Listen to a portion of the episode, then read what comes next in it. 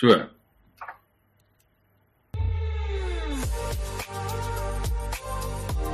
Nuuspot. Onbevange, onbegrens, onbevooroordeel.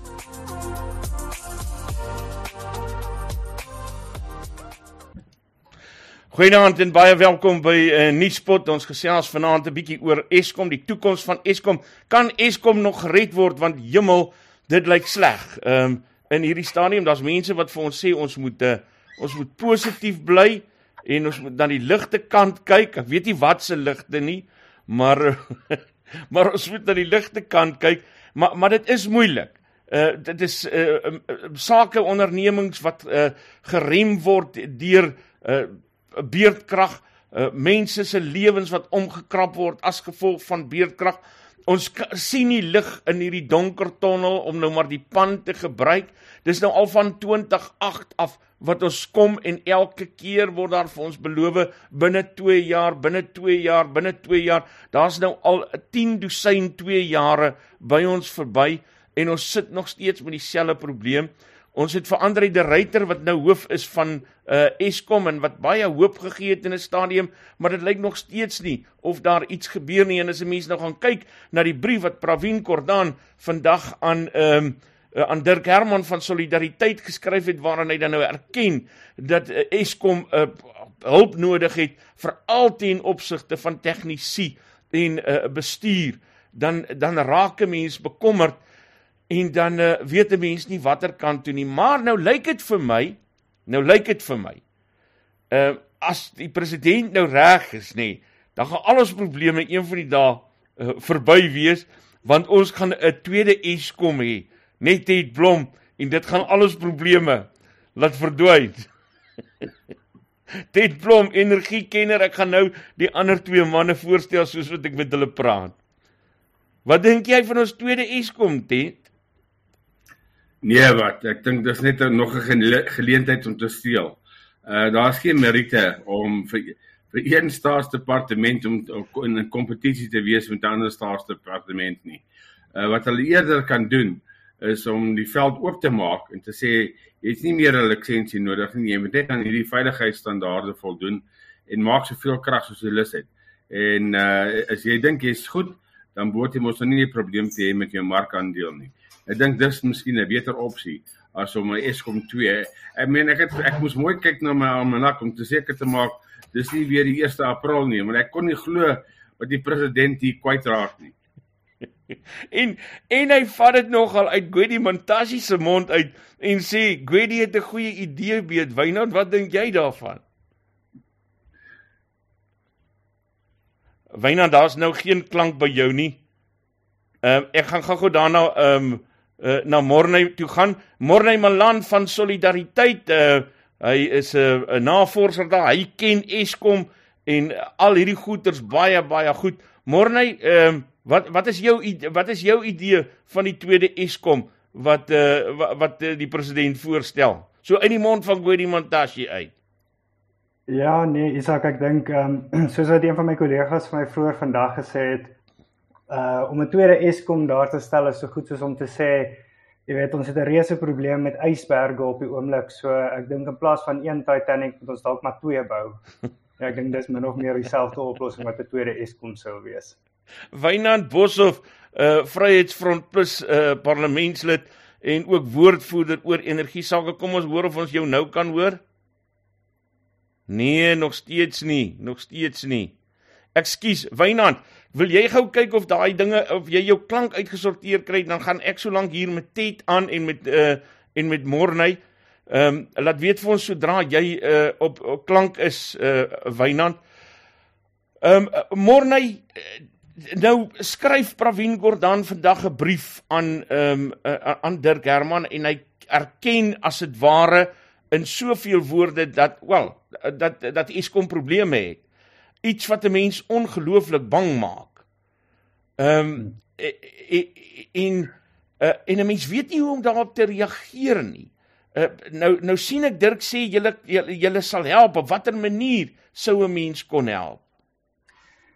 Ja, kyk Isak, ek dink dis nie so seer bekommer of kommerwekkend dat mens nou uiteindelik hoor dat daar probleme is nie. Dis eintlik bietjie bemoedigend dat die regering uiteindelik van plan is om net bietjie buite hulle raamwerk beweeg om te begin oplossings vir die probleme kry. Want ons weet eintlik nou al vir jare dat daar probleme is en Pravin Gordhan erken ook nou al vir jare dat daar probleme is, maar uiteindelik sien ons dat die regering dan so bietjie bereid is om buite hulle normale strukture te beweeg om te probeer om oplossings te vind. Nou die goed waar Pravin spesifiek geskryf het of die versoek wat hy spesifiek gerig het, het juist te maak gehad met vaardigheidstekorte in Eskom en dis ook nou iets wat ons vir seker die afgelope 3, 4 jaar gesien het.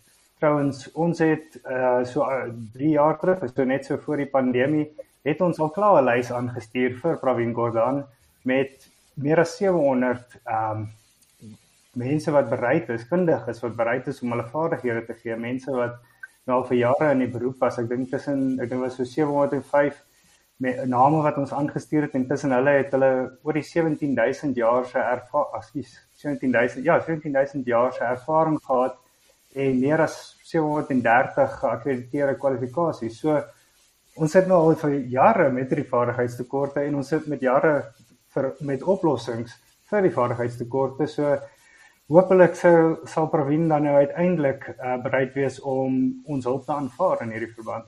Die vraag is nou net en kom ek hoor net of ek jou kan hoor Wynand, is jy nou met ons? Wel, ja, ek is heeltyd by. Ek hoop julle kan my hoor. Ons kan vir jou hoor. Daar's dit is 'n snaakse klank, maar jy is duidelik so as jy as jy mooi helder praat, uh dan dan sal ons vir jou kan hoor. Die vraag is Wynand. Ehm um, as 'n mens hoor wat uh, wat Morne nou gesê het, uh kan hom is kan Eskom nog gered word? Is dit die moeite werd om te probeer? Ja, daar's soveel binnewerking van Eskom waarvan ek nie die kennis het nie, maar ek dink Ted en Morney baie meer van weet. Ek sal net wil teruggaan om te sê dis nou wat gebeur as 'n kommunis die dag uh agterkom kompetisie is 'n goeie ding. Dan sê hy nou ja, kom ons dat die staat met homself kompeteer. Dit is vir my amper soos 'n soos 'n gekke spel dat jy by die kommunistiese party se kongres 'n aankondiging maak oor iets so hierdie want dit is waar die hele probleem be, uh, begin het. Maar uh, wat Eskom betref dink ek ek kan nie sien dat dit anders is dat Eskom se skuld maar net op 'n stadium die staat se skuld gaan word. Op 'n punt gaan Eskom in duie stort. Ehm uh, mense wat dit kan bekostig klim af, hulle maak ander planne met hulle krag. As jy nou nog 'n ou gaan ekstra belas soos wat Eskom nou gevra het as hy in die netwerk gekoppel is maar ook sy eie krag opwek gaan ouens sommer net heeltemal van die van die grid afklim. Hulle hulle gaan nie daar wil wees nie want dit kos jou nog geld net om daar te kan toegang hê tot die netwerk terwyl dit presies die mense is wat die netwerk moes gered het deur uh, energie te voorsien. So ek dink es, Eskom is op pad nêrens hier nie. Eskom gaan die rol speel wat SASSA speel. Dis 'n plek waar jy geld ingooi om arme mense wat nie in staat is om na hulle eie nie net arm nie, maar kom ons sê arm en middelklas mense wat nie die fondse het om hulle eie energie op te wek nie te sê net maar goed ons moet vir julle energie voorsien. Die staat moet dit doen en daar's hy.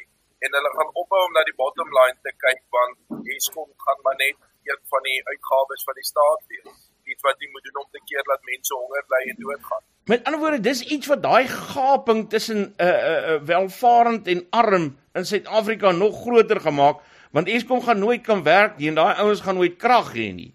Terwyl die ouens wat geld het uh, op 'n manier gekonnekt is want hulle het geld om op, om op ander maniere vir hulle energie te voorsien. Ja, daar's soveel onwaarskynlike goed wat 'n mens hoop kan gebeur. Kom ons sê nou meneer Gordhan gebruik inderdaad solidariteit se aan uh aanbod en bring daai kundige mense in. En kom ons sê die vakbonde, en ek praat nou nie van solidariteit nie, kry dit op 'n dag reg om te sê maar kom ons stel die staat voor ons eie belang. En kom ons aanvaar daar word ergens opgehou geld steel, daar word opgehou om om om sabotasie gepleeg te word op ons kragstasies. En Eskom het nie meer hierdie geweldige rente las dan is dit seker moontlik dat hy kan herstel en dat hy weer uh, moet sê maar bewaarbaar gemaak kan word. So ek dink dit is uitgesluit en dat 'n mens moet sê uh daar gaan nooit iets met die naam Eskom meer wees nie. maar dit gaan heeltemal anders lyk en hy gaan 'n ander doel hê. Eintlik gaan sy hele doel wees om te keer dat die gaping tussen ryk en arm oneindig groot word. Dit gaan maar net 'n staatsfunksie wees om te help laat almal krag hê. Dit ek sien jy skud jou kop uh, terwyl Wynand praat. Ek weet jy's 'n man wat uh, wat al 'n paar mense in Eskom hoog die hel ingemaak het. So kom ons hoop dit is nie vanaand nog erger nie. uh, jou mening daaroor? Man, van dat ek uit die hospitaal het gekom het, is ek net lus vir stook. So, Moenie vanaand uitsluit nie. Ehm um, nee, uit die aard van die saak is Wynand eintlik reg. Is dat uh, uh hier is 'n uh, ideologiese ding wat besig is om uit te speel. En, en dit begin by Eskom en hulle korrupsie in 2007 en 2008. Ek het daai Medupi tender gesien. Jy gaan my nie glo nie, maar ek het hom gesien en ek het hom jare daarna weer opgespoor, 'n tweede keer met ander getuienis wat hom saam met my gesien het. En daai eerste tender het ingekom op 34 miljard rand. Ek het toe dit vergelyk op daai stadium met uh, uh die kragstasie wat in Indië gebou is terselfdertyd en uh, dit was 35 miljard rand. Toe sê ek, okay, wel dan sit dan is ons nou in die regte ballpark kan jy maar amper sê. Maar uh, toe ek nou later sien uh nadat my kontrak by uh, by Eskom beëindig is deur 'n uh, sekere meneer Dames, uh toe sien ek nee maar nou het hulle die ding opgestoot na oor die 70 of uh 70 miljard rand as jy dit nou afrond. En, en vir Kusili was daar geen tender nie. So ons is net as, as ons net almal op die eerste bladsy kan kry. En dit is dat daar was korrupsie by Eskom. Ek weet nie waar nog iemand is wat sy hand wil opsteek en sê daar was nie korrupsie nie. As ons dit kan almal saamstem, dan is die voed land liggende ding om te doen is om 'n forensiese ondersoek te gelas. Ons weet hy was gesteel, ons weet hy was 'n helse klomp geld gesteel. So kom ons vind uit wie het gesteel en hoeveel het hulle gesteel. En ek sê nou vir jou, as ek nou my forensiese ondersoek doen, gaan ek ten minste 200 miljard rand optel wat nie betaal moes gewees het nie en derhalwe was vir Eskom Eskom se skuld helfte wees en dit is bekostigbaar vir Eskom. Dis die eerste ding. Die tweede ding wat Wynand nou ook aangeraak het, maar nie heeltemal uh, so bland soos wat ek dit nou gaan raak nie. Dit is dat al die huishoudings in hierdie land, of jy nou jou krag kry deur die munisipaliteit of jy krag kry deur Eskom of uh, hoe ook al jy krag kry, van al die huishoudings betaal minder as 10% vir hulle krag. En weer eens is dit tweeledig. Eerstens is die mense uh, is 'n kriminaliteit uh, wat hulle bereid is om te steel. Tweedens, die kragpryse moes nooit so hoog gewees het as daar nie in 2007 en 2008 korrupsie gepleeg is nie. Wat Eskom gesê het, ons kan nie geld by die banke leen nie, want die banke het gesien dis 'n vrot hmm. idee. Kom ons stoot die tariewe op. En jy sal onthou, in in 2007 2008 was daai eerste aansoek 45% gewees. Toe hulle nee maar sluk hierdie paal dan gaan dit nie weer hoef te gebeur nie. In die jaar daarna was dit 35% gewees wat afgesny is na 25% toe. Toe nog almal nee maar nou is ons op 'n bonus. Ons kry sommer afslag nou op die uh, uh, tariefhogings. Maar die feit van die saak is as ons volgens die konstitusie uh, die grondwet werk uh, dan moet uh, geadministreerde pryse, dis petrolprys, waterprys en kragpryse nie met nie 'n penny meer as die inflasie indekse verhoog nie. Dit staan in die konstitusie tesame met 'n nota van die tesorie hmm. wat in al die staatsinstellings gesteun gestuur is. So as ons die prys terugwysig na 'n nie korrupte prys, dan sal ons tussen 50 en 60 sent per kilowattuur betaal. En dan sit baie meer bekostig in plaas van die R2 en plus wat mense tans betaal, plus al die ander heffings wat ook nie wat ook ongeruimd is want dit dit word nou as addisionele tariewe uh, be, uh, bemeester, maar dit daar's nie geen voorsiening in die NERSA aansoek vir addisionele tariewe nie. Net die kilowattuur uh, tarief. So as ons daai goed skoon maak, hmm. dan kan ons dit met die Eskom wat ten minste 'n finansiële geleentheid het om reg te kom. Dan bring jy nou die mense in, dan kan jy sê okay, is nou die moeite werd om die plek reg te maak en ons het die geld. So so jy wat jy vir my sê is dat dit is moontlik om Eskom reg te maak. Mits jy die regte ideologie het. As okay. jy wil uh, bereid is om hom reg te maak en jy wil die ouens wat gesteel het aan die pen laat ry, dan doen jy 'n forensiese ondersoek en 'n ordentlike forensiese ondersoek sal onmiddellik vir jou wys. En daar's net 3 areas. Ek ek meen ek het al uh, met 'n klomp uh, uh, regsplegers gepraat oor hoe mense hierdie ding hierdie hofbevel moet benader en ek het 'n vak in die nodig om dit te doen mm. want die volgens die uh, die maatskappywet moet of die direkteure of die aandeelhouer en nie een van daai twee is bereid om te beweeg na forensiese ondersoek nie of 'n vakunie moet daar daarvoor aansoek doen. Nou ons het 'n vakunie. Hmm. Uh, ek het uh, reeds met die vakunies gepraat en ek het reeds befondsing vir helfte van die regskoste. So ons kort die ander helfte van die regskoste en ons kort dan 'n forensiese span wat net na 3 areas gaan kyk. Net na 3 areas. En ek sou sê ons sal daar so baie korrupsie optel beoog en uitpeel. Uh, Morney, net hierna kom ek terug na jou toe. Ek gaan nou met jou gesels. Hou net so oomblik vas, ons is nou terug.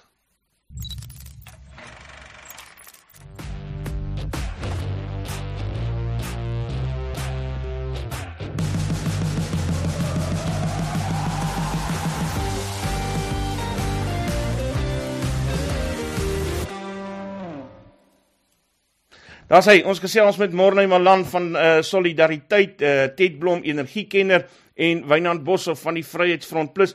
Mense, as jy ehm um, die regte sagte waarheid kyk daar onder, is daar so 'n dollar tekentjie. Ehm um, al nuuspot se inhoud is gratis beskikbaar, maar as jy vir ons kan help om aan die gang te bly, sal ek bly wees. Druk daai super chat knoppie. Ehm um, en help vir ons om op hierdie manier hierdie programme aan julle te kan bring. En uh en like ons asseblief en teken in. Dit kos niks nie. Uh jy kan jy druk net die subscribe knoppie, maar dit help ons groei as jy uh, dinge op hierdie manier doen. Morney Malan. Ehm um, as ek nou vir Helen Zille Sondag aand reg verstaan het, dan het solidariteit die integriteit en uh, is hulle ideologies vry van dit wat uh, Ted Blom sê ehm um, ons nodig het om Eskom te kan red en julle het inderdaad 'n plan op die tafel om uh om energievoorsiening in die land te kan red. Uh wat is dit? Wil jy net nie met ons deel nie asseblief? Maar is ek ja, miskien moet ek net eers begin deur ehm um, Eskom se se rol in die groter prentjie ook net bietjie uit te stippel. Ek dink baie mense sou nou sê as jy dink daar's 'n toekoms vir Eskom, as jy dink Eskom gered kan word, dan is jy dalk bietjie naïef, maar ek dink enigiemand wat dink dat daar 'n toekoms vir energie in Suid-Afrika is waarin Eskom nie nog steeds 'n groot rol speel nie, is ook bietjie naïef in in terme van die die omvang van die krisis wat ons op die oomblik in die gesig staar. En ek dink net as mens kyk na die hoe belangrik energie is vir 'n ekonomie, uh daar's al soveel studies gedoen wat uh, eintlik maar aantoon dat 'n land se BBP per capita hou baie nou verband met sy vermoë om energie op te wek. En soveel so dat sommige ekonome het al gesê dat ekonomiese aktiwiteit is in wese maar net uh die omskakeling van energie in uh produkte of dienste. En so sien mense maar almal is maar tot 'n mate afhanklik van energie. So dit is krities dat um ons energie sekerheid het en dat ons ja, betroubare energie het um net ter wille van beleggings, ter wille van investering ons sien ook die impak wat 'n tekort daaraan of verlies daaraan in Suid-Afrika nou gehad het. Nou wat ons plan betref, ons plan is ehm um, is eintlik maar geskoei op vyf verskillende punte.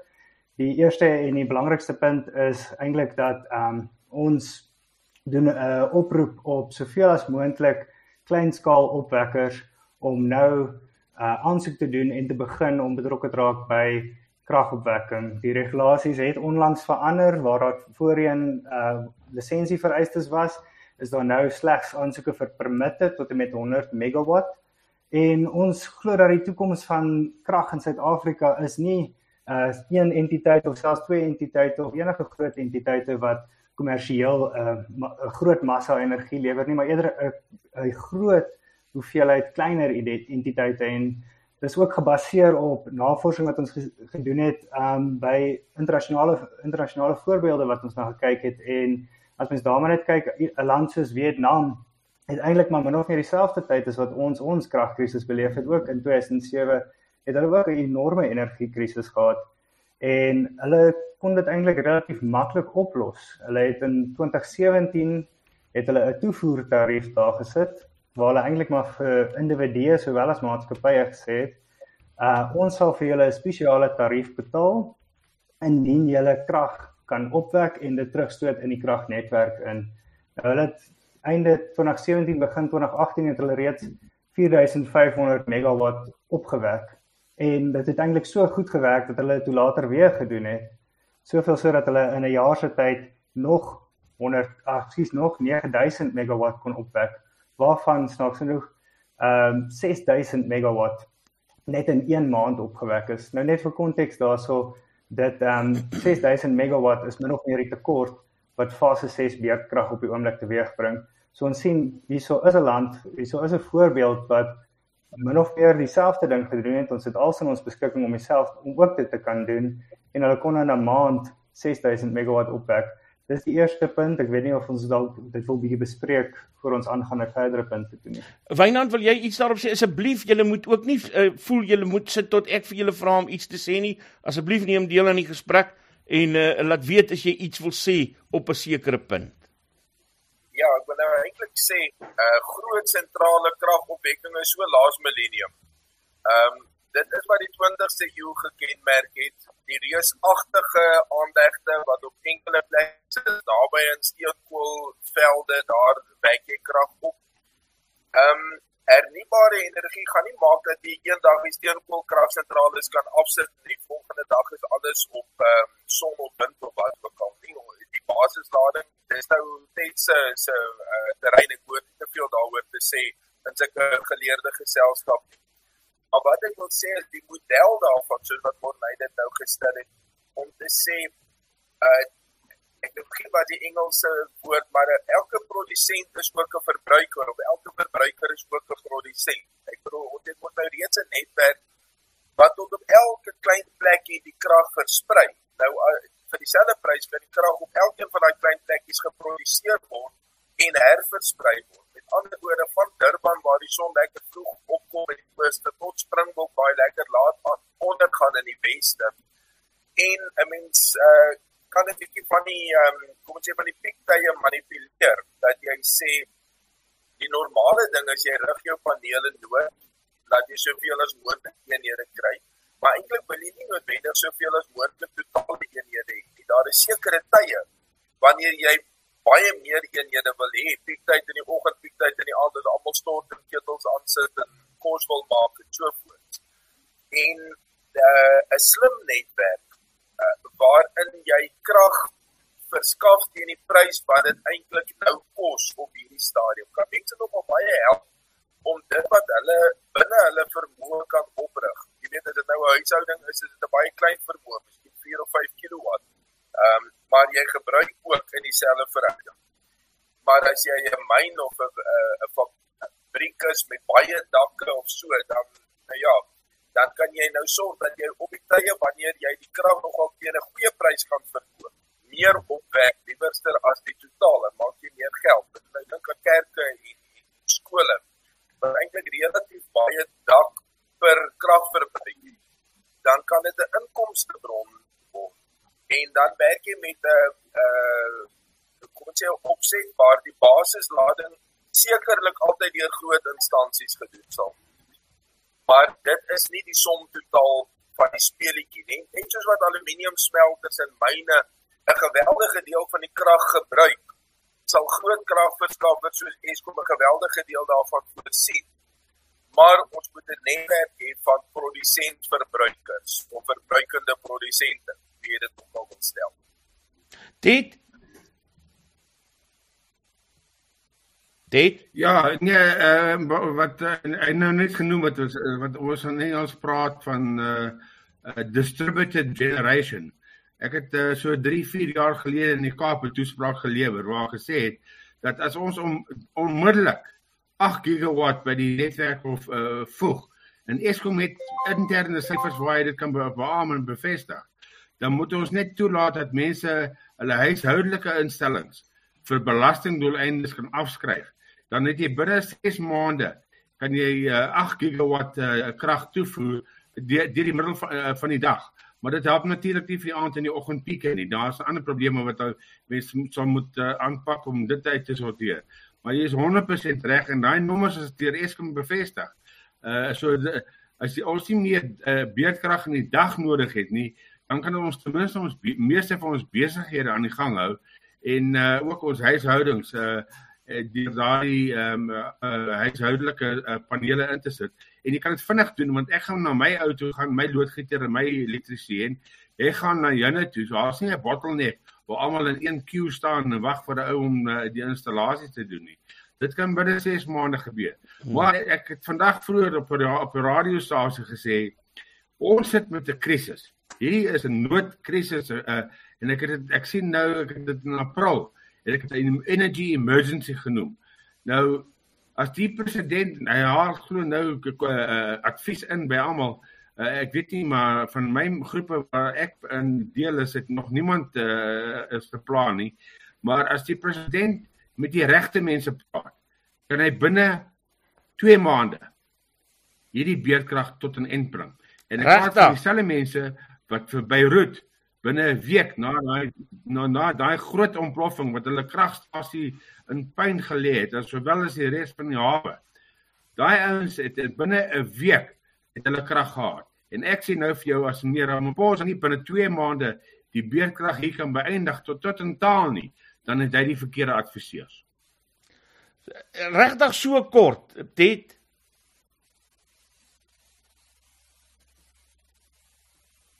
As dit 'n noodplan is, maak jy noodreëlings en jy vlieg dit goed in en ek soos ek sê, hulle kan uh, binne 2 maande sal hulle maklik lag lag uh, tussen 4 en 6 gigawatt jy kan installeer.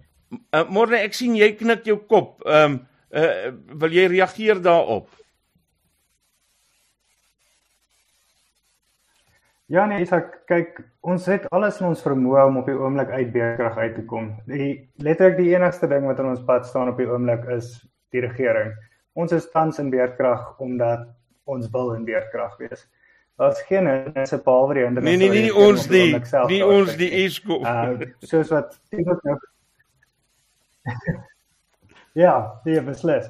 Onder andere wat Wynand ook na verwys het, hierdie spesiale tariewe vir mense wat wil self krag opwek. Ek weet so iets is so ooglopend absurd en irrasioneel om nou te sê midde in 'n krisis waar ons juis meer mense wil aanmoedig om op te wek, wil ons nou die tarief op onafhanklike kragopwekkers verhoog. Dit is eintlik sulke simpel goeters en dit is die enigste rede.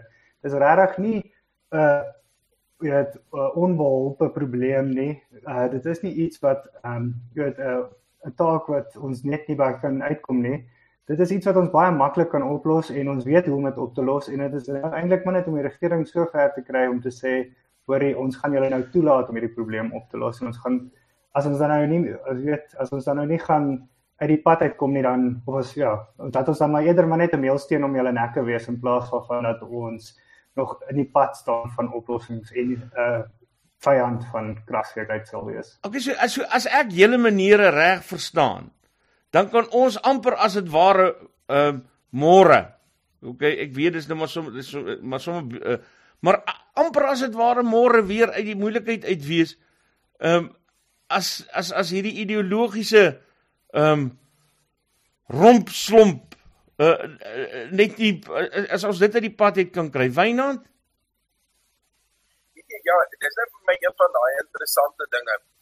Ehm um, so 30, 40 ja, kon jy 30 jaar gelede, toe ek nou my die eerste keer regtig geïnteresseer het in alternatiewe energie, soos wat dit in daai tyd genoem is, dis al praat ons van hernubare krag. Jy weet alternatiewe is nou baie alternatiewe vir steenkool en kernkrag. Maar toe daar gesê, okay, dis 'n baie oulike idee, maar dis vrek. Ehm um, ons kan dit nie doen nie. Ons krag is lekker goedkoop. Ehm uh, dis dis dis 'n droom. En op daai stadium uh, het daar ook gesê dat 'n sonpaneel verg meer energie om vervaardig te word as wat in sy leeftyd kan produseer. En dit is eintlik hierdie uh, tegnologie so toegeneem en ook die skaalvoordeel dat dit werklik baie goedkoper is om hierdie uh, goed te installeer. Nou dit is so dat uh, mense sê dit altyd met so asof jy nooit daaraan gedink het nie dat sonpanele net werk as die son skyn wat sou spreek en ons sal hierom baie bly wees as ons altyd krag het in die son skyn. Maar uh die volgende rigting waar daar groot ontwikkeling is wat ek wil sê van die wêreld se slimste breine aan dink is die opberging van kragbatterye of um, ek weet die superkapasiteit dis alles nie my terrein nie. Die punt is op die oomblik word sonkrag nie deur die mark teruggehou omdat dit duur is nie, maar deur regulering. Die mark moedig dit eintlik aan, maar die staat hou dit terug. Dit wat jy moet wil hê as jy die klimaatskrisis ernstig opneem. En dit wat jy moet wil hê as jy die kragkrisis ernstig opneem, dit word deur regulering teengewerk. Nou ek kan dit nie begryp nie. Dit beteken ons het 'n politieke probleem, nie 'n tegniese probleem nie. Dit is maar wat Morney en Ted en almal van ons sê. Ek kan net nie verstaan hoe daai politieke probleem nie weggaan nie. Dit wat hoe, hoe gaan ons dan nou maak? Hoe hoe maak mense daai politieke probleem weggaan? Wie moet jy uit die weg uitdruim? Ek praat nie ek praat nie van met 'n Nee, swart ek- nie. Nee, maar ek is die verkeerde ou om te vra want uh, ek sommer van die heup af name so uh, en uh, die name skiet terug. So ek dink vra maar vir die res van die paneellede wie hulle Laat ek ek kom gooi is gou vir ons 'n paar name daar toe man. vir- So dit vir my lyk. Uh so dit vir my lyk is die hele die hele ANC in die pad. Uh hulle hulle het nou hierdie plek rot en kaal gesteel. Hulle het die ander plekke, ek meen jy, kan nie uh, jy weet jy hoef nie 'n super uh, ekonom te wees om te besef dat en ek het nou die aand met met uh, uh, die professor van Wits uh um, deur gepraat. Jy kan nie jou jou jou bulk services of jou netwerksdienste duur maak nie of onbekostig maak nie, want dan sit jy jou hele res van jou ekonomie uit besigheid. So byvoorbeeld as Eskom 'n 8% rendement soek op sy beleggings en dit is hulle huidige tarief. Hulle soek 8 8% rendement. Dan beteken dit my spaarse winkel wat miskien 3 of 4 of 5 mense uh, uh, in diens neem. Maar hy het net 'n winsgrens van 4 of 5% want ons moet dit goed goedkoop hou. Hy is hy hy is binne 'n jaar uit besigheid uit want hy kan nie bekostig om die, die rendement wat Eskom wil hê van 8%. Hy kan dit nie betaal nie want sy eie rendement van sy van sy besigheid is minder as 8%. So wat jy basies moet doen as 'n ekonom, as jy jou netwerke uh uh uh, oop wil maak, dan moet jy jou net jou kostes vra. Dis al. En dit is wat waar Eskom was totdat die ANC aan hom begin karring het in 2001 en hom verander het na 'n cost recovery toe na 'n verwinse uh, maatskappy. En dieselfde storie met spoordek. Hulle het al die spore gaan herëvalueer teen helse tariewe. Nou is daai tariewe so hoog dat niemand kan die spoor bekostig nie en nou word hulle gesteel in elk geval. So en dis dieselfde met watervervoer en dieselfde met uh, on, ons ons hawens. Ons hawens is die duurste in die wêreld om goed deur te vat. Ek meen dit is net absoluut pateties en belaglik.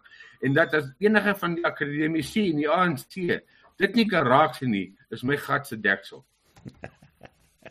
Forney, ek kom net hierna terug na jou toe. Hou vas. Verkeersboetes behels meer as 'n klein ongerief met minimale gevolge. Jy kan 'n kriminele rekord kry of probleme teekom as jy jou rybewys of motorlisensie hernie en die metropolisie kan jou by padplekades lastigval om die boetes te betaal. Fines for you vir minder moeite met verkeersboetes deur hul te monitor en vinnig, wetlik en effektief af te handel sodat jy nie die ongewenste gevolge hoef te dra nie. Ons spesialiseer in groot vlote en streef daarna om jou geld te bespaar. Kontak ons gerus op 011 867 7331 of besoek ons webtuiste by www.finds4u.co.za.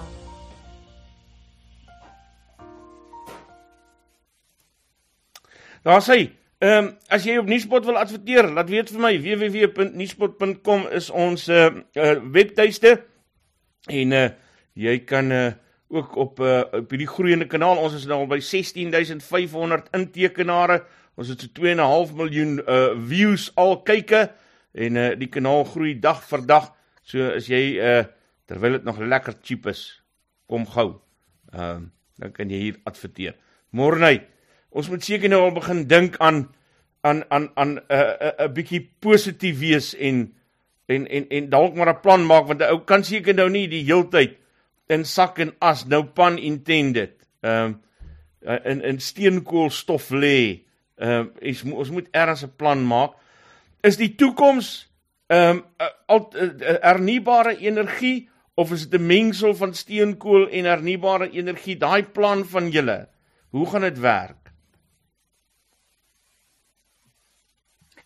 Kyk, Isak, die toekoms is gedesentraliseerde energie. Die toekoms is in plaas daarvan dat ons nou 'n monopolie het wat verskaf of selfs 'n paar groot verskaffers het, is dit klomp kleinskaalse verskaffers. Dis die toekoms. En of dit hernubare energie is of hoe dit ook al sê, ek dink ook jy ons moet onsself vasstaar in vandag se tegnologie nie. Ek dink die oomblik wat jy daai mark oopmaak, dan sal mense sien hoe nuwe innovering inkom. Uh veral met soos wat Bynand genoem het, batterykrag en dis meer daar's soveel geleenthede daar. So die toekoms is beslis 'n gedesentraliseerde stelsel. Uh dit beteken dat selfs solidariteit en dit is ook deel van ons plan is om self ook betrokke te raak by kragopwekking. Nou wat ek daarmee sê is ook nie dat solidariteit uh jy weet al die land se kragprobleme gaan oplos nie, maar ons kan wel 'n verskil maak. Ons kan wel die model beproef en ons kan die model model bewys vir ander uh, ondernemers en vir ander ontwikkelaars en selfs vir individue dat jy kan jy gaan nie vir die land kan krag voorsien nie, maar jy kan vir jou omliggende area krag voorsien.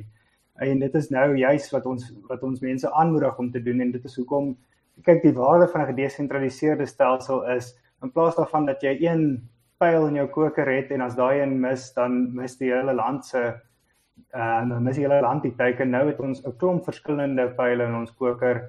Party van hulle mag dalk mis maar party gaan wel tref En dit is uiteindelik die enigste ehm um, volhoubare toekoms vir energie in Suid-Afrika. Is hy so 'n tipe van 'n stelsel? En ek wil net weer eens benadruk, ek dink op die oomblik is die grootste krisis in Suid-Afrika ehm um, energie en betroubare elektrisiteit. So dit is eintlik nie iets wat ons kan bekostig om verkeer te kry nie. Dit is eintlik van kardinale belang dat ons soveel as moontlik mense het wat soveel as moontlik krag probeer opwek.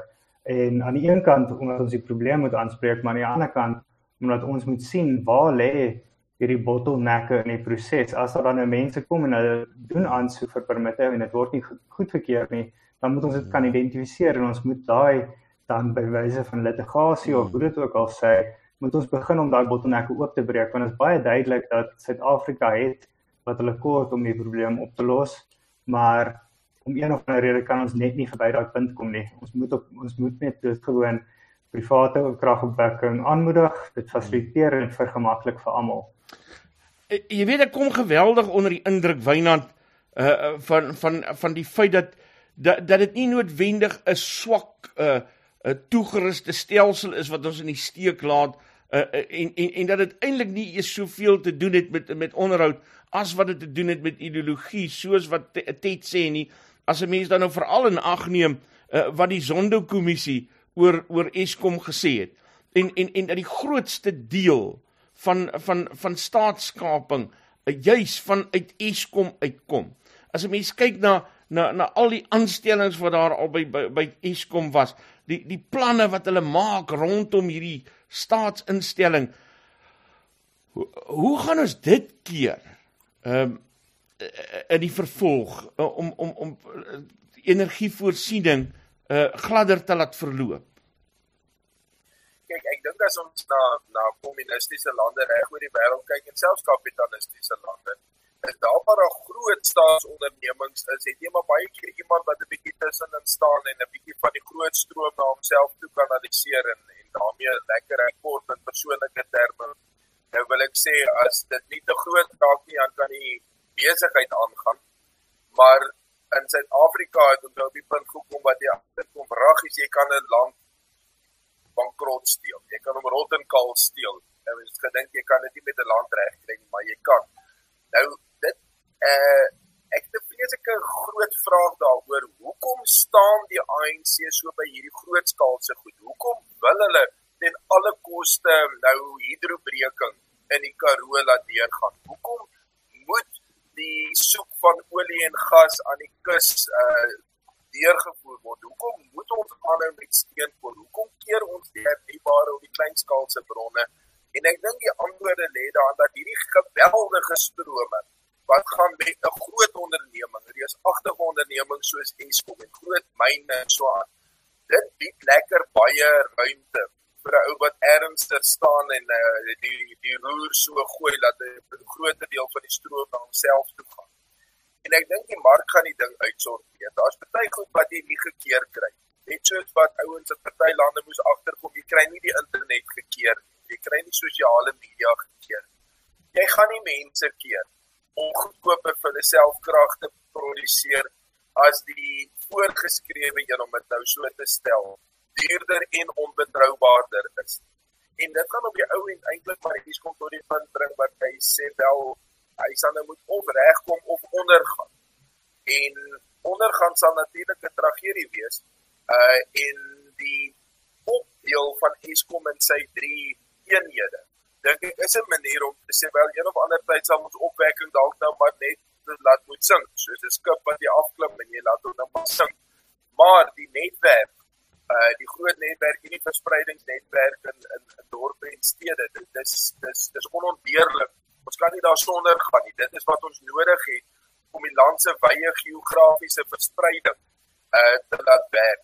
So uh 'n mens kan sien 'n beplande ekonomie steur jouself nie soveel aan die mark nie. Uh ek weet uh ek dink dit was Trevor Manuel wat eers gesê het uh wie's die uh amorfe ding wat mense mark noem gaan weer die mark volg wie hy is en ek dink Trevor Manuel het vinnig geleer. Ehm um, dit is wat nou gaan gebeur. As daar net nie meer betalende verbruikers is wat Eskom se krag wil hê nie, dan sal hy van hierdie geweldige top swaar struktuur van hom met duisende bestuurders en baie minder vakmanne sal hy maar moet ontslaa raak of ondergaan. Dit is basies waar is. So dit is ek hierdie ding reg verstaan dan dan dan lyk dit vir my Eskom is op pad uit dit gaan bietjie ongemaklik wees, maar dit is nie die einde van die wêreld nie. Ehm um, en en en en die verbruikers van krag sal vir Eskom wys uh hoe hoe hulle vorentoe hierdie ding self doen. Ja, is dit dit dit dit dit uh, uh, dit klink baie mooi en dit klink baie uh, uh, agter mekaar. Uh maar uh, weet uh, as mense bietjie die probleme bietjie van nader bespreek, dan sal jy sien die, die hele vraagstuk van die gemaklikheid of ongemaklikheid van wie kan krag oplewer en nie hang af van wat hulle noem energie-intensiteit. As jy 'n hoë intensiteit energie besigheid het, dan het jy 'n Eskom nodig want jy het nie genoeg dagruimte om genoeg krag op te wek nie. Byvoorbeeld, kom ons neem 'n voorbeeld.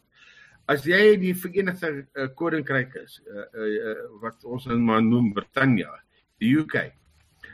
As hulle oorgaan na hernubare krag toe, is daar nie genoeg land massa vir hulle om al daai torings en en goed op te sit nie. Hulle sal meer as helfte van daai windtorings so goed in die see moet sit. Want uh, hulle die energie-intensiteit van hernubare krag is baie baie baie laag. So in huishoudings waar jou intensiteit van jou krag benodighede ook laag is en nie krities is nie. Jy kan later koffie drink as die son weer skyn of jy kan môre wasgoed doen as dit vandag uh, daar nie krag is nie omdat dit 'n bietjie nat is en dit reën of bewolk of wat ook al. Met daai lae intensiteit goed, daar is daar 'n miljoen uh, wat oopmaak van nuwe geleenthede en batterye en dis meer. Maar as jy kom by die hoë intensiteit uh uh vervaardigingsbedrywe, dan het jy 'n hengse probleem want niemand kan vir een myn uh, uh ek meen een van Goldfields se myne gebruik 600 megawatt krag. Uh uh Britain se se aluminium smelters in Richards Bay gebruik 4 gigawatt of 4000 megawatt krag elk. Uh, en Mosel omtrent dieselfde. Ek weet en en, en om 4000 um, Onthou elke windmeel uh, op sy beste op hierdie stadium uh, genereer op 'n goeie dag vir 15% van die ure uh miskien 2 megawatt. Uh, jy kan maar jouself indink hoeveel van daai windpompe jy nodig as jy 4000 megawatt moet opbring. Ek meen jy het meer as 8000 van daai goed nodig en dan om sekuriteit te hê, sal jy omtrent dit moet uh, vir meer as 10voudig. Uh die feit van die saak is uh, en daar is ouens wat sommer gedoen het As jy hierdie land op wind alleen wil bedryf, dan moet jy 360 gigawatt windmele insit. En dis as goed wel die private sektor sal dit insit as die regering waarborg gee. Maar die ander probleem is as al daai windmele op een dag werk, is Eskom binne 24 uur bankrot, want hier is nie 'n mark vir 360 uh, gigawatt uh, krag nie. Maar jy maak staat op 'n party bedry daar werk en party op ander daar werk en dis meer. En jy het baie meer gesofistikeerde stelsel nodig as wat heidaglik die stelsel is. Ek dink die die manne wat tans uh, die reëls en die regulasies opmaak, uh, is nie die vaardigste mense in terme van energie patrone en energie intensiteit en wat gebeur as jy so dupliseer en herdupliseer en herdupliseer omdat jy uh, van van hernubare krag wil gebruik maak. Ek dink daar's baie makliker oplossings beskikbaar en baie meer ekonomiese uh, oplossings vir die land. Ek wil gou ehm um, uh, ek gaan nou vir julle elkeen 'n ronde gee, kans gee om so 'n paar afsluitwoorde te sê ehm um, oor uh, hoe hoe julle die toekoms sien of wat julle graag sal wil sien, maar ek wil vir Ted net nog 'n laaste vraag vra voordat ons by daai laaste ronde kom. Uh, kyk Ted, ek is nou ek is nie 'n verskriklike ehm um, gelowige in 'n uh, samesweringsteorie nie, maar daar is nou nogal een in die omloop op die oomblik wat uh, wat vir my amper so as as 'n mens die ANC ken, dan klink dit vir my amper dit kan wragtig waar wees, nê. Nee. Maar ehm um, miskien weet jy daarvan daar's nou hierdie storie in omloop dat ehm um, dat Cyril Ramaphosa en Patrice Motsepe ehm um, in 'n uh, eh, uh eh, heel om uh, eintlik vir Eskom tot 'n val te bring sodat hulle hernubare energie uh kan uh ontgin deur middel van Patrice African Rainbow Energy. Ehm um, het jy al daai storie gehoor? Ja nee, nee dis al 'n ou storie. Daai storie is seker al ten minste 6 jaar oud en nie ouer nie. En dit het dit het bene gekry toe Brian Dames by Eskom bedank het en toe by Patrice aangesluit het. Uh en dis dis 'n heel moontlike ding. Ek meen mense moet dit hier net nou maklik aflag. Maar die feit van die saak is dat uh nie net is uh, Stirl en en sy swaar daarin betrokke nie, maar hulle het nou die ANC beleggingsmaatskappy ook daarbey betrokke en die die die drie grootste aandeelhouers in hernubare kragopwekking as ek dit reg verstaan is in inteendeel daai drie partye. Uh, ek uh, en ek dink saam met hulle uh, van huidige hernubare krag uh ongeveer 30 tot 40% as as as as as my skatting en my geheue my nie in die steek laat nie. Kyk ek sou glad nie verbaas nie. Ek sou glad nie verbaas nie. Ek verwag so iets van van enige iemand in die ANC. Wat dankie. Uh, uh Morney, uh kom ek begin daar by uh, daar by jou.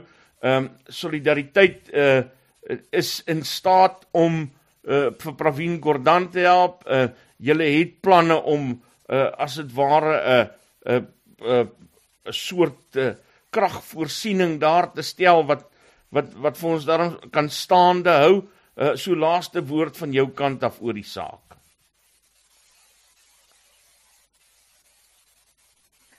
Ja, baie dankie Isak vir die geleentheid. Ek dink wat ons nou maar net besef is ons is nou verby die punt waar die daai enige perfekte planne is wat waar alles gaan weet sonder enige foute werk. Weet die ideale tyd om 'n kragstasie te bou was 20 jaar gelede gewees, maar die tweede beste tyd om te begin planne maak is vandag. En ehm um, ons moet eintlik nou net begin om daai planne te implementeer. Ek dink ons het almal vanaand dit bespreek en ek dink ons almal besef vanaand dat dit is regtig nie so ingewikkelde probleem soos wat ons regering dit uitmaak nie en op die oomblik is die grootste hindernis tot ehm um, volhoubare kragvoorsiening in Suid-Afrika die regering. En dis nou eintlik maar net om hulle so ver te druk om die res van ons toe te laat om die probleem dan nou namens onsself op te los. Uh Wynand gaan julle in die Vryheidsfront plus asseblief bietjie druk daar in die parlement. Ja, ons doen ons bes en ek moet vir jou sê as president Ramaphosa besig was om ehm um, uh kom ons sê sy eie besigheid hierso uh in hernubare energie te bevorder, dan een van die eerste goed wat hy moet doen is om net sy minister van minerale en energie sake af te dank. Want hy is daarom 'n man wat lief is vir steenkool. Nou moet ek vir jou sê, ek dink as ons kyk na die toekoms, dan moet mens tog 'n voorkeur hê vir hernubare energie hoewel mens weet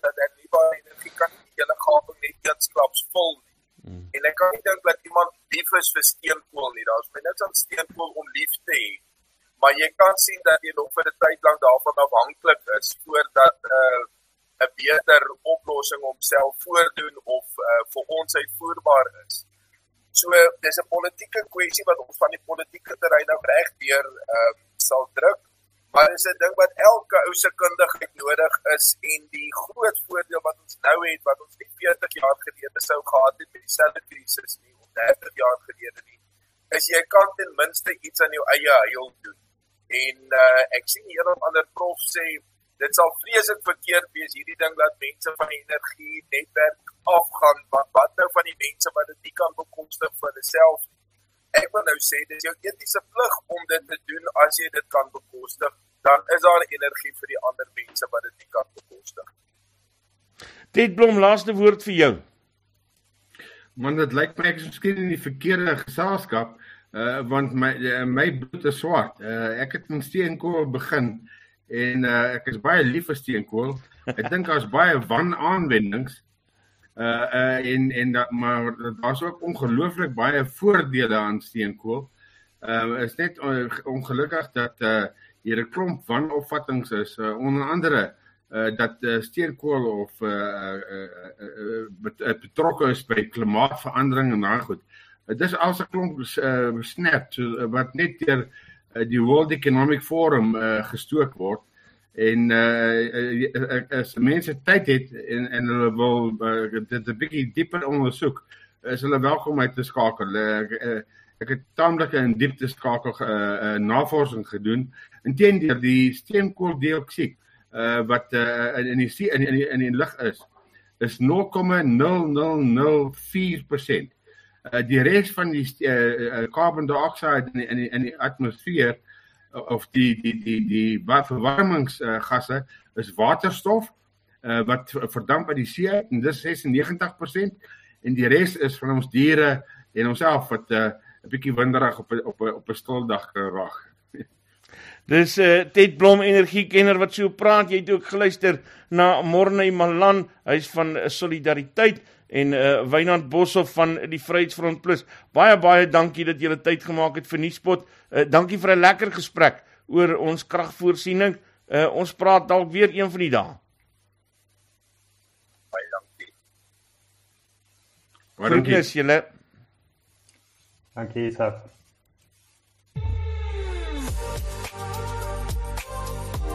Nuuspot. Onbevange, onbegrens, onbevooroordeel.